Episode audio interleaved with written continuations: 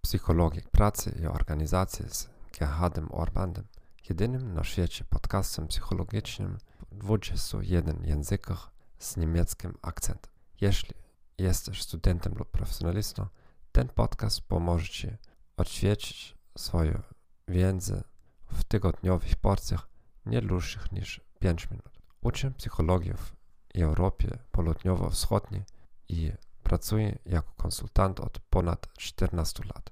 Nie jestem ekspertem w języku polskim. Oczywiście już to zrozumiałeś. Bądź cierpliwy ze mną, ale obiecuję, że będę coraz lepszy z każdym nowym odcinkiem. Dzisiaj porozmawiamy o fundamentalnych błędach doborze personelu. To będzie bardzo powierzchowna lekcja dotycząca metodologii. W przyszłości wrócimy z odcinkami na ten temat, które będą bardziej techniczne. Wyobraź sobie, że masz dwa kryteria. Pierwsze kryterium dotyczy selekcji. To może być prawie wszystko. Oceny na dyplomie uczelni, IQ, ocena po wywiadzie, lata odpowiedniego doświadczenia zawodowego. W wielu krajach wysokość ciała może być kryterium przy wyborze kandydatów na ochroniarza prezydenta. Drugie kryterium będzie wskaźnikiem pomyślnej wydajności pracy.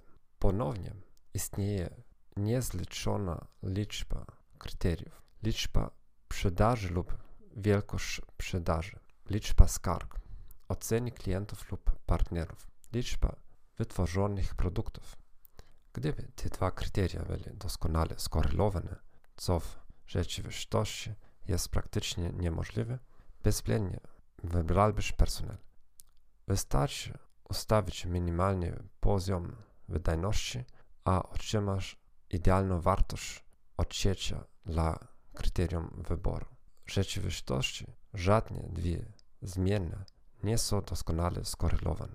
Możesz zatrudnić kogoś, kto okaże się niewystarczający. Możesz też odrzucić kandydata, który osiągnąłby dobre wyniki w pracy. Jeśli podniesiemy kryterium selekcji, zredukujemy pierwszy błąd. Jednocześnie zwiększymy drugi błąd. Jeśli obniżymy kryterium wyboru, zredukujemy drugi błąd. Jednocześnie zwiększymy pierwszy błąd. Co możemy zrobić, aby zminimalizować Musimy znaleźć kryterium wyboru, który jest najbardziej skorelowany z naszym kryterium wyników. Musimy znaleźć najlepszy test do pomiaru tego kryterium wyboru.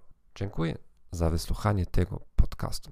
Jeśli chcesz, żebym poprowadził bezpłatne seminarium internetowe na temat psychologii komunikacji międzykulturowej w Twojej firmie, kliknij link w uwagach do tego odcinka podcastu. Życzę Ci miłego dnia i do widzenia.